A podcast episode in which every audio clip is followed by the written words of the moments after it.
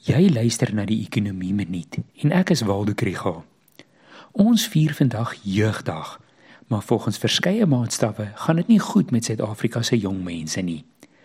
Na die COVID-19 pandemie is daar meer honger kinders in huishoudings. Ramings in Desember 2020 met data uit die Nitscram opname toon dat daar in 16% van huishoudings kinders was wat honger gely het. Die impak van die inperkings op die afgelope 2 skooljare was ook groot. Navorsing toon dat in Junie 2021 was die gemiddelde 10 jaar oue leerling op dieselfde vlak as 'n 9-jarige in 2019. Selfs voor die pandemie het dit nie goed gegaan nie. In 2016 kon 78% van graad 4s nie met begrip lees nie en 59% van graad 9s het nie wiskunde op daardie vlak onder die knie gehad nie. Ongeveer die helfte van 'n graad 1 klas behaal matriek.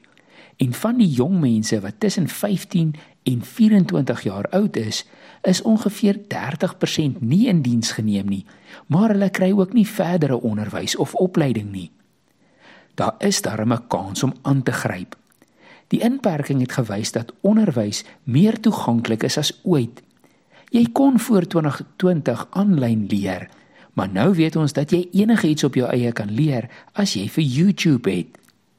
In 'n 2013 boek het die ekonom Tyler Cowen al verduidelik dat average is over.